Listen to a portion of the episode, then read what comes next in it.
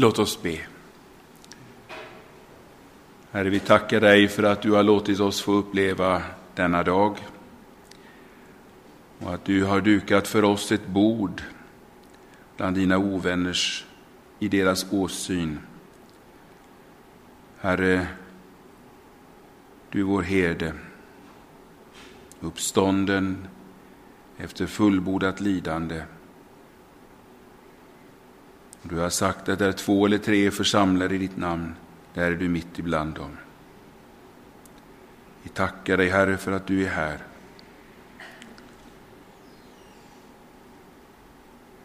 Vi ber om din välsignelse och ber att du låter ditt eget ansikte få lysa fram för oss.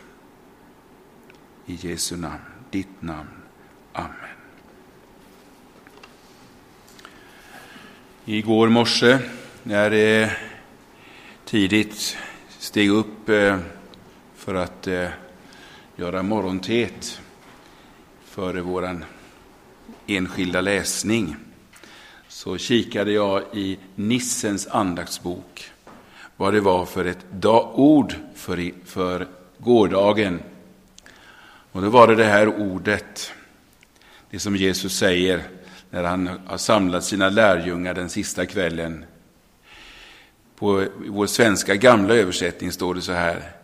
Jag har högeligen åstundat att äta detta påskalam med er innan mitt lidande börjar. Och just denna Jesu längtan efter att få vara med sina lärjungar, det tänkte jag då, ja det var som en hälsning inför den festresa som Maria och jag skulle göra när vi skulle resa hit. Jesus själv ville, han längtar efter att få hålla måltid med oss. Och detta är hans måltid, när vi samlas kring hans ord, vi delar det, vi låter och det liksom får komma fram på olika sätt, så som det är oss givet. Och så med den sedan med höjdpunkten när vi imorgon får samlas kring altaret och få ta emot hans kropp och hans blod. Och det har han längtat efter, att han ska få dela med oss. Och då blev jag så uppmuntrad och eh, kunde börja gårdagen. Den underbara påskkvällen när Jesus som uppstånden hade kommit till sina lärjungar så sa han bland annat så här enligt Lukas evangeliets 24 kapitel eh, där det står eh, i... Eh, nu tittar jag fel.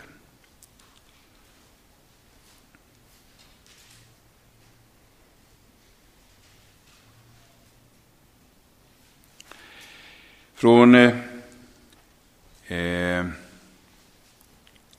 jag hade skrivit upp det i den gamla i den, eran, en ny översättning som ni inte använder här, nämligen 2011.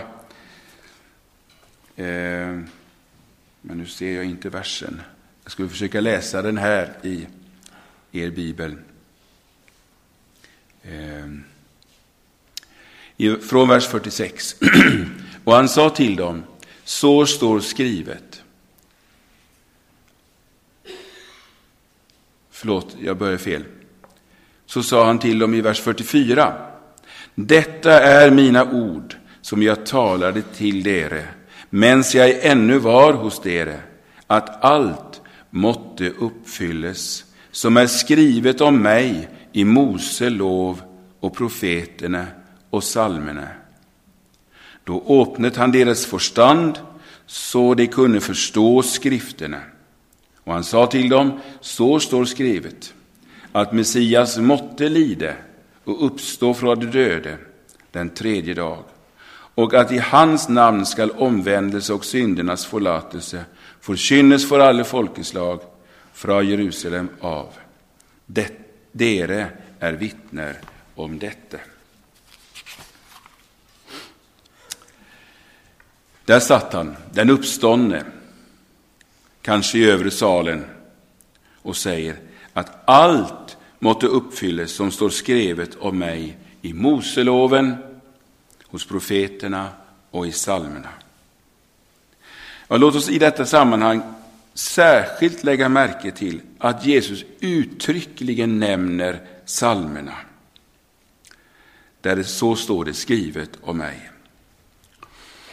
Ett gammalt tales, kristet talesätt, det kommer från Augustinus, lyder Novum testamentum in vettere latet, vetus in novo patet. Nya testamentet gömmer sig i det gamla testamentet och gamla testamentet öppnar sig i det nya. Och det som är det stora som öppnas i Nya testamentet, det är Kristus som träder fram och frälsningen i honom öppnas. Det är också det som Petrus syftar på när han skriver i sitt andra brevs första kapitel, eh, från vers 19. Därför står också profetordet så mycket fastare för oss. Detta ordet gör dere rätt i och hålla fast på. Det är en lampa som lyser på ett mörkt sted till dagen gryr och morgenstjärnen stiger upp i deras hjärtan. Det är Kristus själv som är den morgonstjärnan. Och det är den stjärnan som lyser när vi blir stilla i salmernas bok och vandrar fram i den med öppna ögon och med bön om Guds ande. Igår kväll så läste vi psalmerna 51 och 130 eh, i medvetande om att detta också var böner som vår Herre Jesus bad. Och vi såg hur Jesus som syndare, klädd i vår synd, bad Davids syndabekännelse och gjorde den till sin. Två mig, så jag blir vitare än snö. Och genom sin död tvådde han sig ren från alla våra synder som låg på honom och vann åt hela människosläktet en fullkomlig förlåtelse som finns att hämta ut för alla. Hela psalmernas bok var Jesu bönbok och vi har hört om det förut. I sitt hem, i synagogan, i templet, i apostlakretsen var hans egen personliga bön och gemensam bön med dem och, i hans, och där var alltid salmerna den viktigaste delen av bönen. Ingen av oss vet när Jesus själv som pojke i salmerna såg sig själv. Men salmerna har säkert spelat en stor roll när den unga pojken finner sin identitet.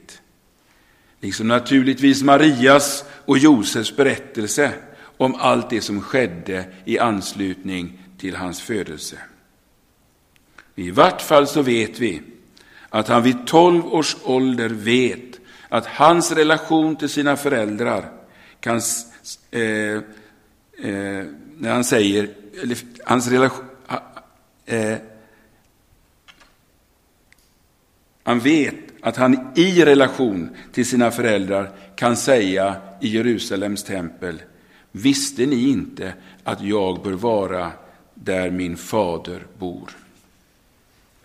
När vi idag ska ta oss an psalmerna 2 och 22 och 110 så låt oss komma ihåg att också vår Herre Jesus har läst dessa om och om igen. Först på vägen till sitt medvetande om vem han var och sedan i hela sitt vuxna liv ända fram till ropet på korset.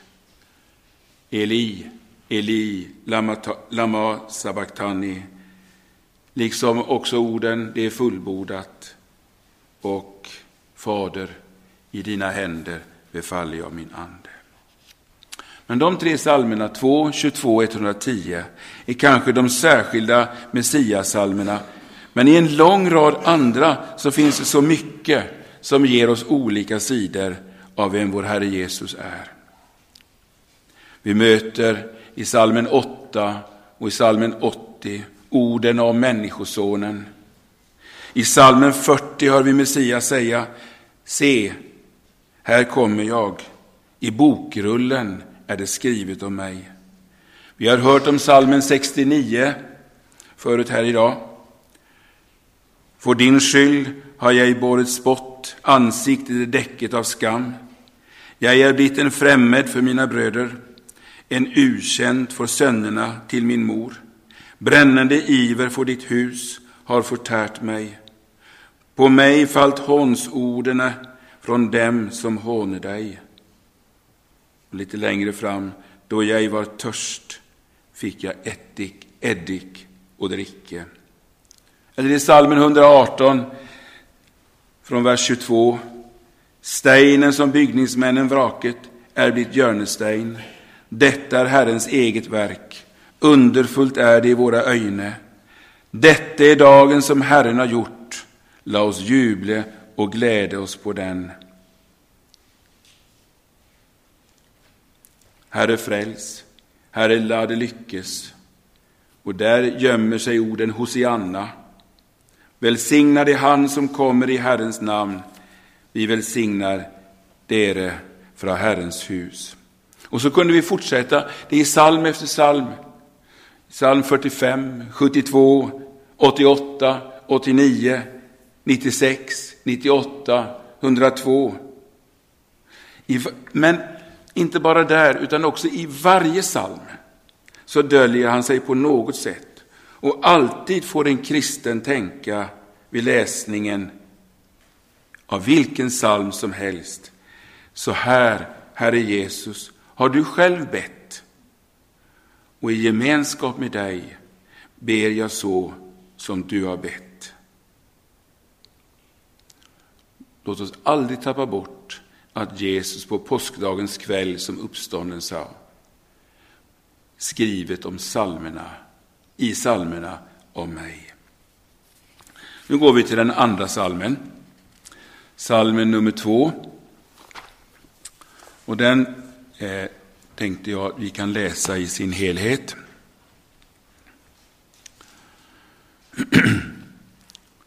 Varför larmer hedningarna? Och varför grunner folkene på det som fåfängt är? Jordens konge reiser sig och fyrste rådslår samman mot Herren och mot hans salvede. La oss spränga deras bond och kasta deras rop av, av oss. Han som troner i himmelen ler, Herren spottar dem. Så talar han till dem i sin vrede, i sin store harme förfärder han dem. Det är ju jag som har insatt min konge på Sion, mitt helige berg. Jag vill kungöra det som är fastsatt. Herren sa till mig, du är min son, jag har fött dig idag. Begär av mig, så vill jag ge dig, ge dig hedningarna till arv och jordens ände till eje. Du ska knuse dem med järnstav, som en pottemakers leirkar ska du slå dem i stycken. Och nå, dere konger, gå viseligt fram, fram, la dere advare, dere härskare på jorden. Tjän Herren med frykt och juble med bäven. Kyss Sönnen, för att han icke skall bli vred, och dere gå till grunne på vägen, för snart kunde hans vrede bli upptänt. Saliga är alle som tar sin tillflukt till ham. Den första och den andra salmen står som en introduktion till hela boken med dess 150 salmer. Den första handlar om Guds ord och den frommes glädje i Guds ord, till skillnad från de laglösa och orättfärdiga som inte kommer att bestå i domen och som liknas vid agnar som flyger bort när dessa skiljs från den goda säden i domen. Medan den andra salmen som vi nu har läst handlar om honom som är skriftens huvudperson, Gud i Kristus, den smorde, den salvede Messias. Gud talar i sitt ord och när han talar till den som hör uppenbarar han sin smorde, Kristus. Eller morgonstjärnan som vi läste förut. Den här salmen den har tre delar. Den första handlar om hatet mot Gud och hans moder. Den andra delen handlar om Guds insättande av sonen som smord kung. Eller ni säger salved kung. Och den tredje delen handlar om den sanna visheten att ära sonen.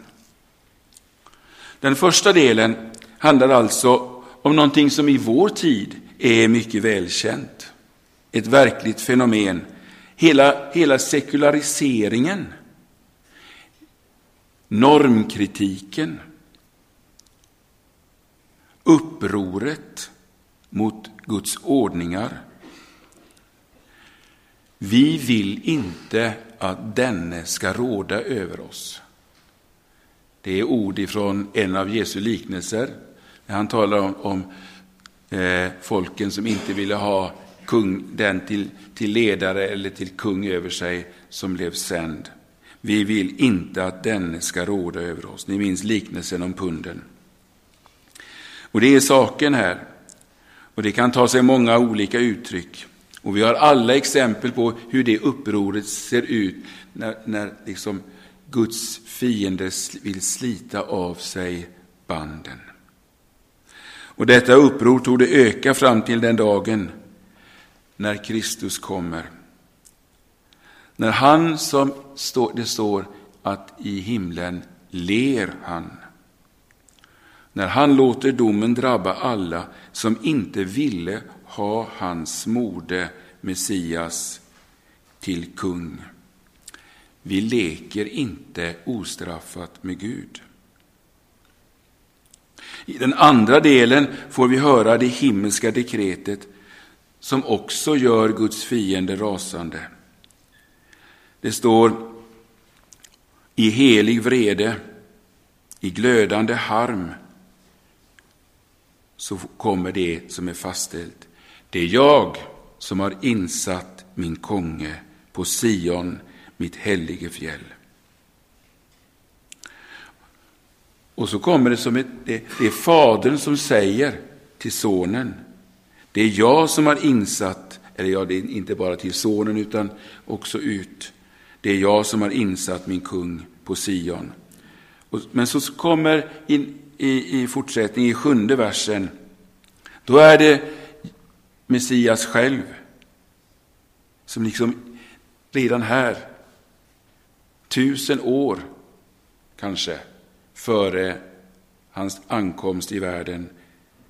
Jag vill kungöra det Herren har fastsatt. Han sa till mig, du är min son, jag har fött dig idag. Här möter vi något som hör till evighetens dagar. Guds son, född av Fadern i evighet, så som det står i Nicenska trosbekännelsen. Vi minns när, när Jesus steg upp ur vattnet efter dopet i Jordan. Så fick Johannes se, och naturligtvis Jesus själv, hur himlen öppnades och duvan sänkte sig ner och så kommer fadersrösten.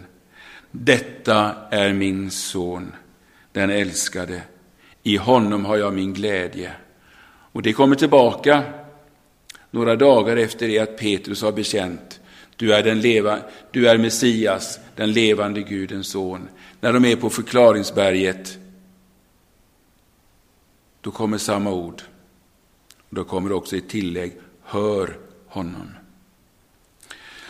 Men där i eh, Jordan, där smordes Guds son med den helige ande. Anden sänkte sig ner. I Gamla testamentet finns det tre olika kategorier av tjänster där man smorde med olja. Och det var profetens ämbete, det var kungens ämbete och det var översteprästens ämbete. Och Herren Jesus, han smordes till alla dessa tre ämbeten. Han är den smorde, det uppenbaras vid Jordan, det uppenbaras på förklaringsberget. Och Fadern ger sin tydliga bekräftelse i de orden. Detta är min son, den älskade.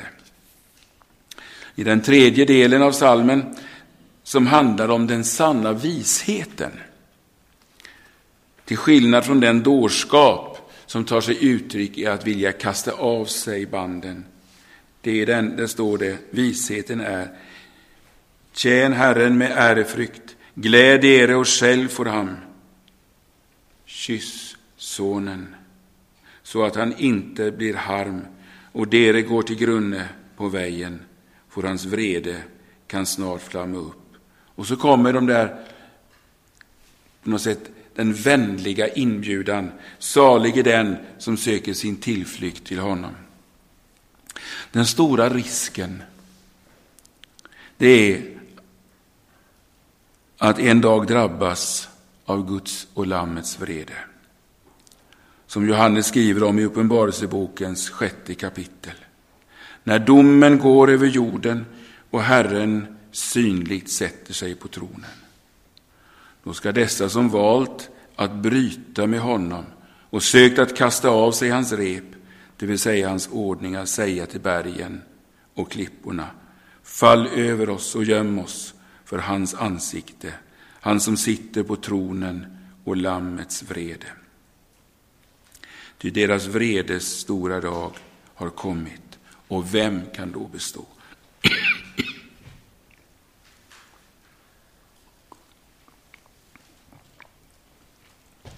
Vad är den verkliga hyllningskyssen? Vad är det? Jo, det är att göra det som salmens sista rad uttrycker. Salig är den som tar sin tillflykt till honom. Och själva det, att ta sin tillflykt till Jesus, det är den ära som Herren Jesus vill ha. Och det för oss nu över till den 22 salmen. Och här är vi i allra högsta grad på helig mark.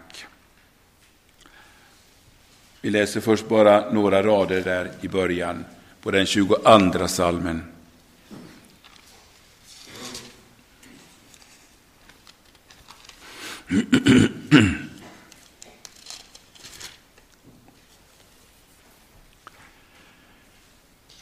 Vi läser, vi börjar på vers 2. Min Gud, min Gud, varför har du förlatt mig? Langt borte från min frälse är min klagesord. Min Gud, jag ropar om dagen och du svarar icke. Om natten, jag tiger icke. På korset så hör vi Jesus ropa de orden. Min Gud, min Gud, varför har du övergett mig? Om evangelisten menar att han bad mer av salmen än just de orden eller inte, det vet vi inte. Men evangelisterna Matteus och Markus som berättat om detta vill utan tvekan visa på, att he, på hela salmen 22 för att vi ska läsa om Jesu lidande, död och uppståndelse i ljuset av den salmen och genom den salmen. Tillsammans med, med Jesajas 53 kapitel finns det ingenstans i Gamla testamentet där det så utförligt profeteras om Messias lidande. Och vi finner här en rad detaljer som helt går i fullbordan på vår Herre Jesus på korset. Om vi, fortsätter, vi kan läsa från vers 7.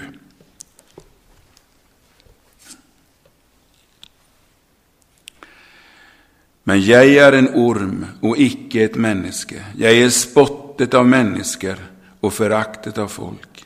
Alla som ser mig spottar mig, vränger munnen och rister på ordet. Sätt din väg i Herrens hånd, la ham rädde ham. Han skall utfri ham, utfri ham, sedan han har behag i ham. Ja, du är den som drog mig fram av mors liv, som låt mig vila tryggt vid min mors bryst. På dig blev jag kastet från mors liv. Du har varit min Gud från mors sköt. Vär icke långt borta från mig, för trängseln är när och det är ingen som hjälper mig. Stärke oxer omringer mig, Basans oxer kringsätter mig. De spiler upp sin mun emot mig som en sönderrivande brölande löve. Jag är utöst som vann och alla mina ben skiljer sig åt. Mitt hjärte är som vox, smältet inne i mig. Min kraft är upp, upptörket som ett potteskår och min tunga hänger fast vid mina gommor. I dödens stöv lägger du mig. Får hundar omringa mig, det ondes hop kringsätter mig. De har genomboret mina händer och mina fötter. Jag kan tälla alla mina ben. De stirrar, de ser på mig med skadefryd. De delar mina kläder mellan sig och kastar lott om min kjortel. Vi möter Jesus här i hans lidande. Han är, som Jesaja skriver, övergiven av människor, ensam med Gud. Och då kommer det allra värsta, ensam utan Gud. Att vara utan, förlåt, att vara ensam utan Gud är det värsta som kan inträffa för en människa. I synnerhet när de går över gränsen till evigheten. Ensam utan Gud, det är det straff som varje människa har förtjänat för sin förbrytelse. Vi bär förbrytelsen inom oss. Hela vårt väsen är delaktigt i Adams olydnad och drabbade av paradisormens gift. I djupet av vår gamla människa bor en gudsföraktare som inte vill ha med Gud att göra, en fiende till Gud. Och domen över detta är ensam utan Gud i evighet. Jesus ropar, min Gud, min Gud, varför har du övergett mig? Ropar Jesus ut, jag höll på att säga, i det mörklagda Jerusalem. Det var ju solförmörkelse. Det är som att han inte heller längre vet vad han tidigare vetat, varför han hänger här. Frågan är om var, ordet varför är så att säga ett utrop, eller om det är till och med är just varför har du övergett mig? Att hans mörker är så djupt att han inte ens vet varför han är här. Hela hans väsen förnimmer att han är utan Gud. Det är så djupt, ända fram till dess att det liksom är färdigt. Då kan han ropa, det är fullbordat. Och så kommer vi till den andra delen av salmen. Och vi hörde här förut om hur liksom vändningen, när, när, när Odd Sverre talade om, om psalmerna 6, 6 och 13, hur det liksom vänder till bönes liksom hopp i, i den sista delen av salmen. Men redan precis mitt i salmen så kommer här vändningen. Redan i vers 19 så kommer den vändningen att eh, han som ropar på korset kommer och säger du bönhör.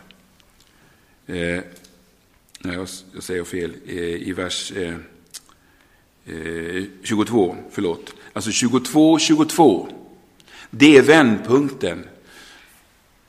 Fräls mig från lövens gap och från vildoxens horn. Du bönhörer mig. Eh, nu har, och där, från den punkten och resten av salmen så är hela tonen i salmen förvandlad och förändrad Eh, och nu kan vi läsa det också. Från vers 23. Jag vill kungöra ditt namn.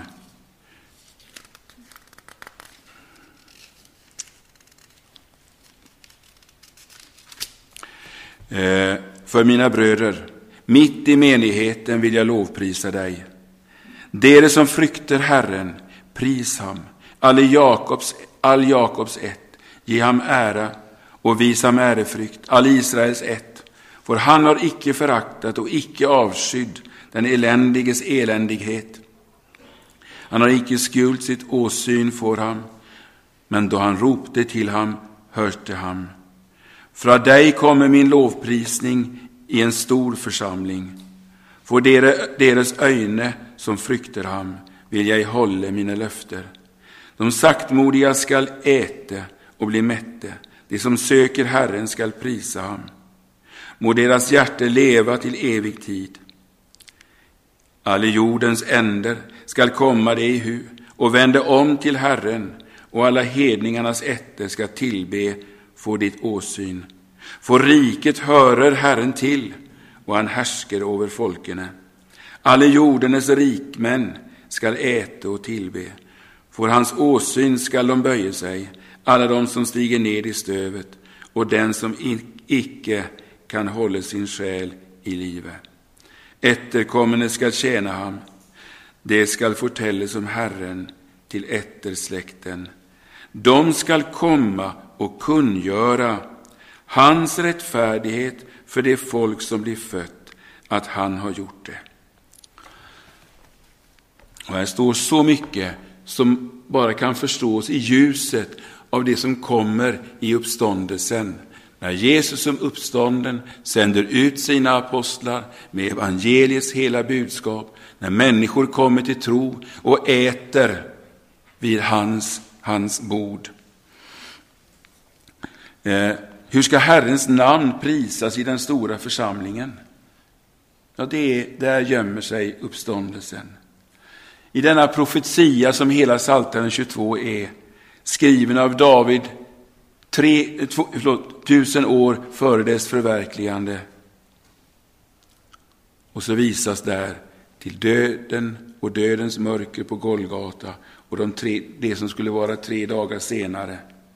Att han skulle själv vara där mitt ibland lärjungarna, uppstånden, förvandlad. Och där stod han.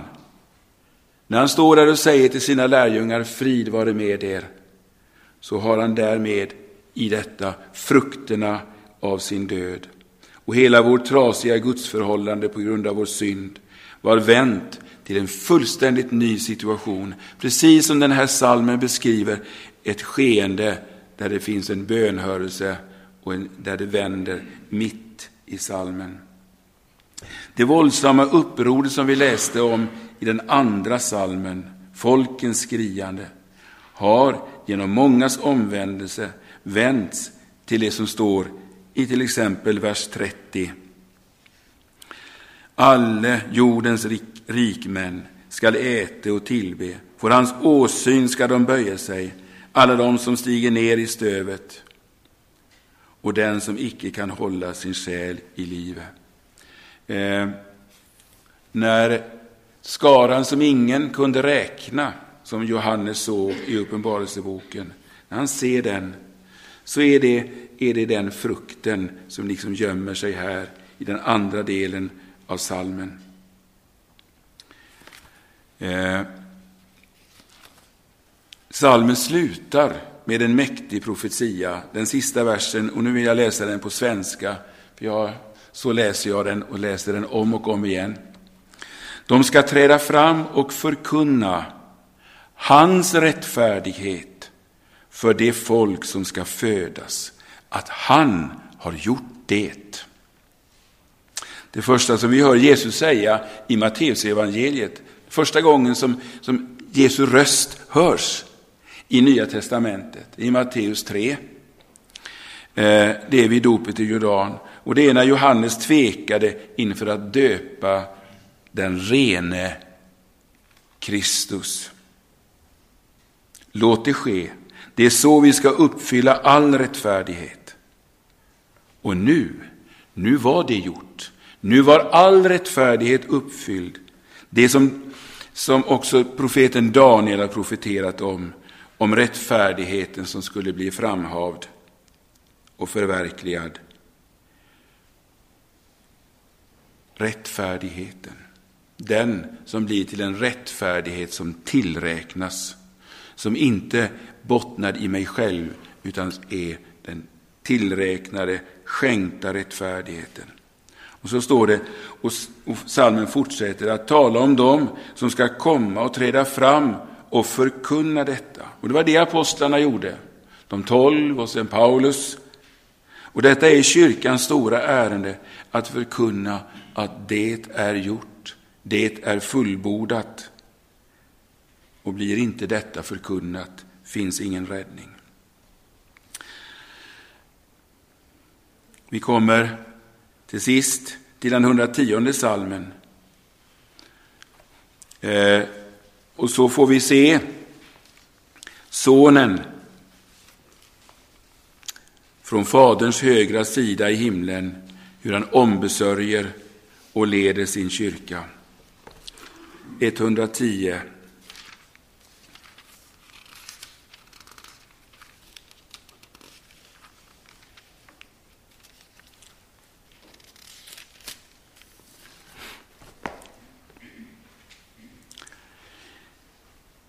En psalm, förlåt, en, av David, en psalm. Herren sa till min Herre, sätt dig vid min högra hand, till jag får lagt dina fiender till skammel för dina fötter. Din makts kongestav skall Herren räcka ut från Sion. Härsk mitt ibland dina fiender. Ditt folk möter villig fram på ditt väldes dag. I helig skrud kommer din ungdom till dig som dugg utav morgonrödens sköld. Herren har svärget, och han skall icke angra det. Du är präst till evig tid efter Melkisedeks vis. Herren är vid din högra hand. Han knuser konger på sin vredes dag. Han håller dom bland hedningarna, hedningefolken.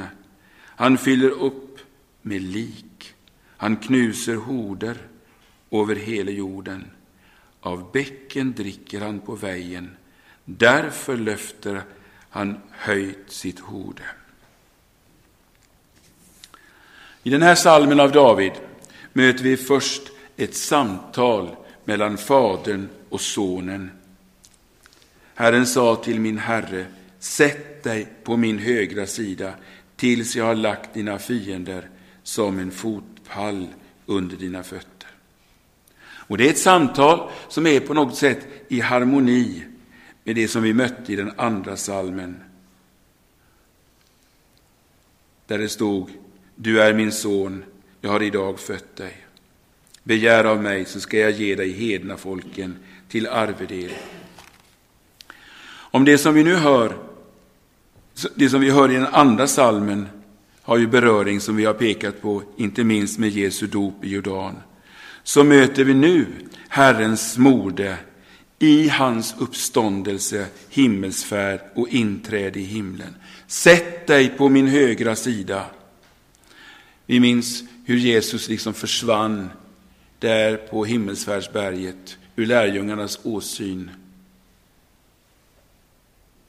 Uppstigen till himmelen, sittande på allsmäktig Gud faders högra sida. Så bekänner vi ju. Och där har vi vår Herre Jesus.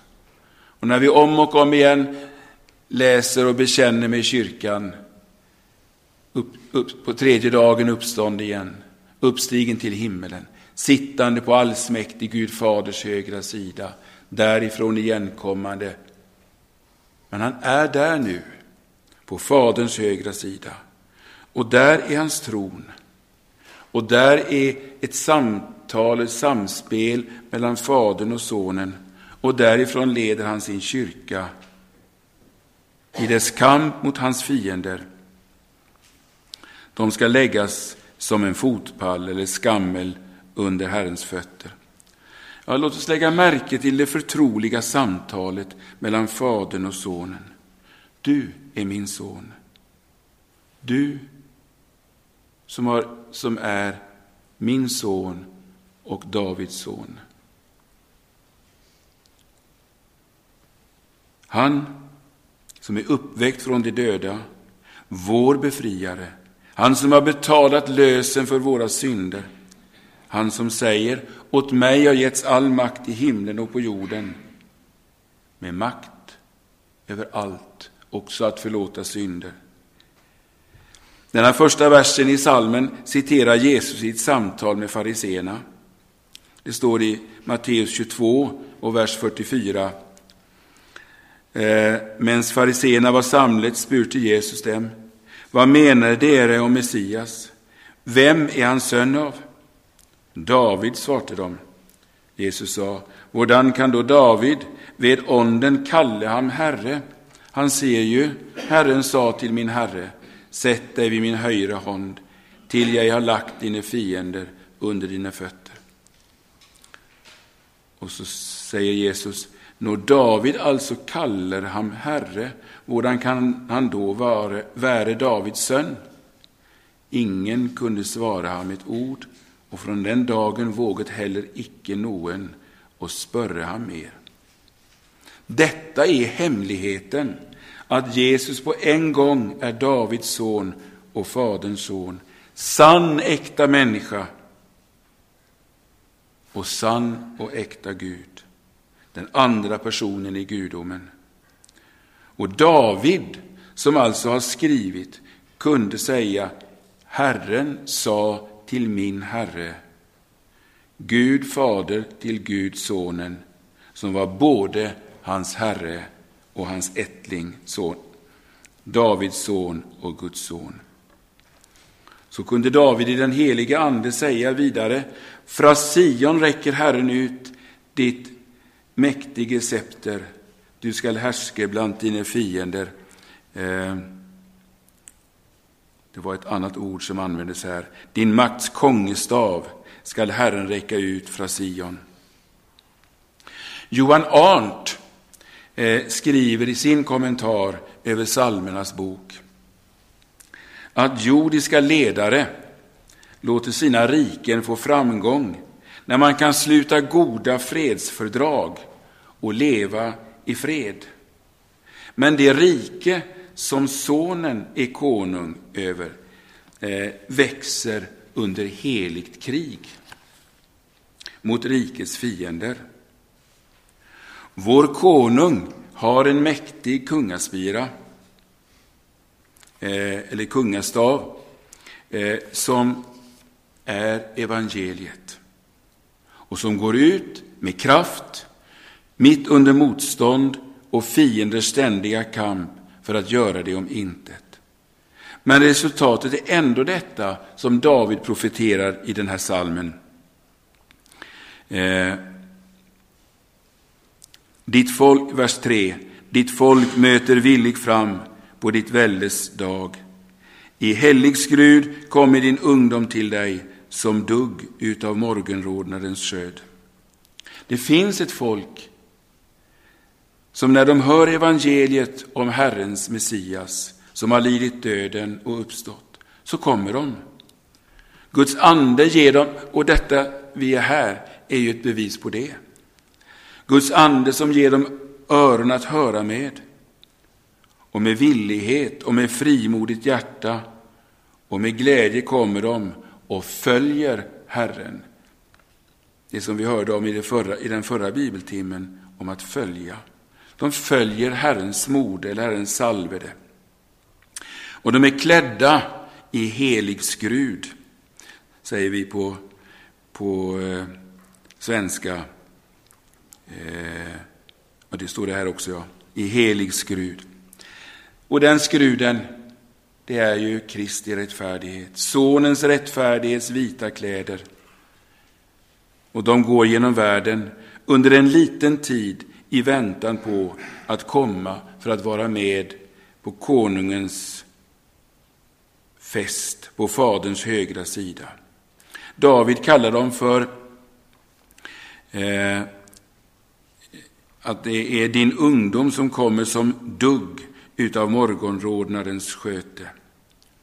Ja, daggen i, i gräset i den tidiga sommarmorgonen är en bild av den barn och ungdomsskara som föds genom evangeliets budskap om denne konung. Hans spiras mäktiga redskap, det är evangeliet. Evangeliet om Kristi fullbordade verk. Och för den saken behövs det apostoliska sändebud. De tolv, de 70, Paulus och apostlarnas alla efterträdare genom kyrkans tid, fram till dess att han kommer. Dessa som kommer villigt och är beredda att lida med honom. Och så möter vi eh, en Guds ed i den här salmen. Gud avlägger en ed. David har i profetisk ande fått höra vad Fadern har sagt till Sonen ytterligare. Han säger, du är en präst för evigt på samma sätt som Melkisedek. Vi kanske inte riktigt hinner tala så mycket om det eh, nu. Jag ska, klockan är strax tre. Men eh, ändå påminna om detta. Jag tänker att de flesta är väl förtrogna med berättelsen om Melkisedek som var kung i Salem på Abrahams tid och som kom, kom ut från sin stad och mötte Abraham på hans återtåg från striden med Kedor Laomer och som hade tagit tillbaka Lot och allt det byte som, som Abrahams fiender hade tagit ifrån honom. Melkisedek, rättfärdighetens kung, betyder ordet eller namnet. Han som står där som utan släkttavla. Han som kommer ut med bröd och vin till Abraham och hans folk.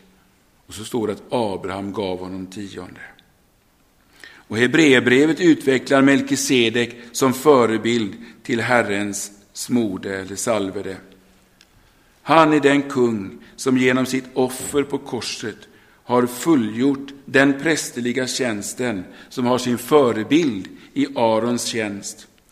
Men nu en annan präst har, öppnat, har han som en annan präst öppnat dörren till livet för oss. Och nu är han på Faderns högra sida i helig förbön där han liksom tar sin egen tjänst som han har utfört på korset och ber det till Fadern för oss var och en att det ska gälla och då gör det det. Och i all vår bön och förbön för varandra och för hela Guds folk så förenas vi med honom så, så blir det liksom till en enda bön över jorden. Tillkomme ditt rike. Och så förs Guds plan och rådslut fram mot den stora dagen när den slutgiltiga domen går över jorden och alla dens moders fiender får sin dom på hans vredesdag, som David kallar den. Vi glömmer ofta bort att vår Herre Jesus talade inträngande också till sina, till sina motståndare om domens dag. Dagen då han kommer synligt, sätter sig synligt på domartronen för den dom som han har överlåtit åt Sonen. Fram emot den dagen går kyrkan genom svåra tider och lidande. Vi har hört om det väldigt tydligt förut idag. Och allt svårare kanske tills dagen plötsligt är inne. Men när det hårdnar runt omkring oss ska vi minnas hur salmen 110 slutar. Han dricker av bäcken vid vägen. Därför löfter han hordet höjt. När Herren går över bäcken Kidron ut i ett semane fick han dricka ur den svåra lidandes bäckens bittra vatten. Så går också Guds folk, inte minst i vår tid. Glöm inte vad, ni, vad vi fick höra förut om de kristna i Nigeria. Gå längs en korsväg, korsmärkt väg men den som blir kvar på den får också lyfta huvudet så som Herren Jesus gjorde i uppståndelsen. Ära vare Fadern och Sonen och den helige Ande. Så som det var av begynnelsen, nu är och skall vara, från evighet till evighet. Amen.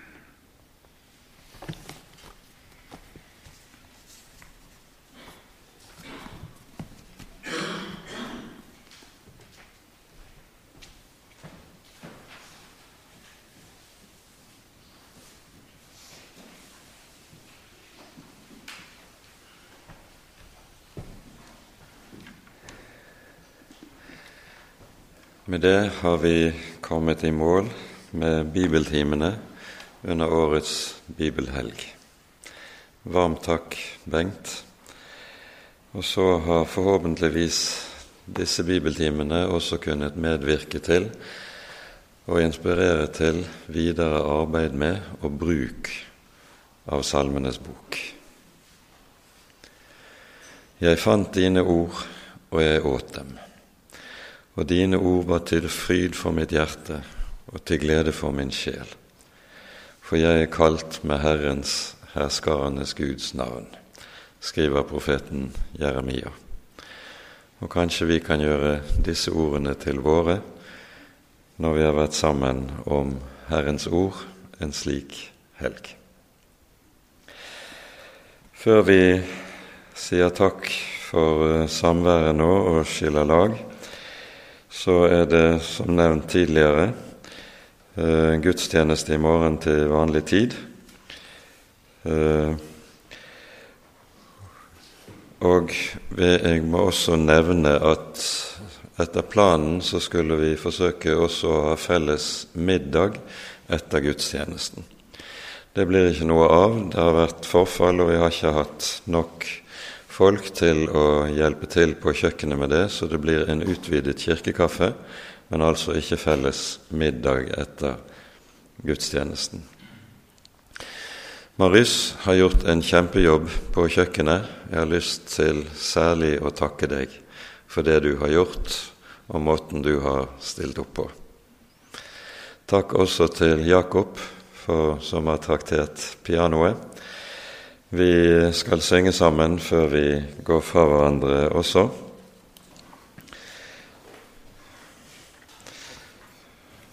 Jeg må bare finne den riktige salmen. Ehm, vi synger, vi synger nummer 747, og salig den Guds ord har hørt, bevart og det til nytte ført. Nummer 747.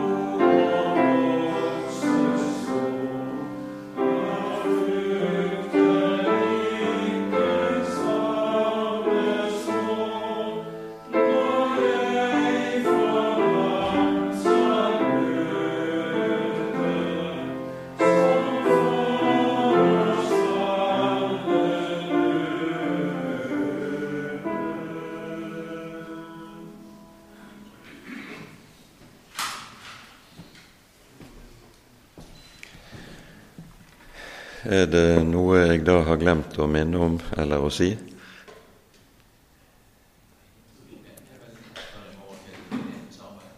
Det er offer til menighetens arbeid i morgen, det er riktig.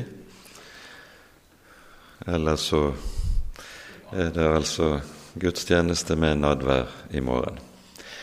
Før vi da skiller lag, så stiller vi oss inn under Herrens velsignelse.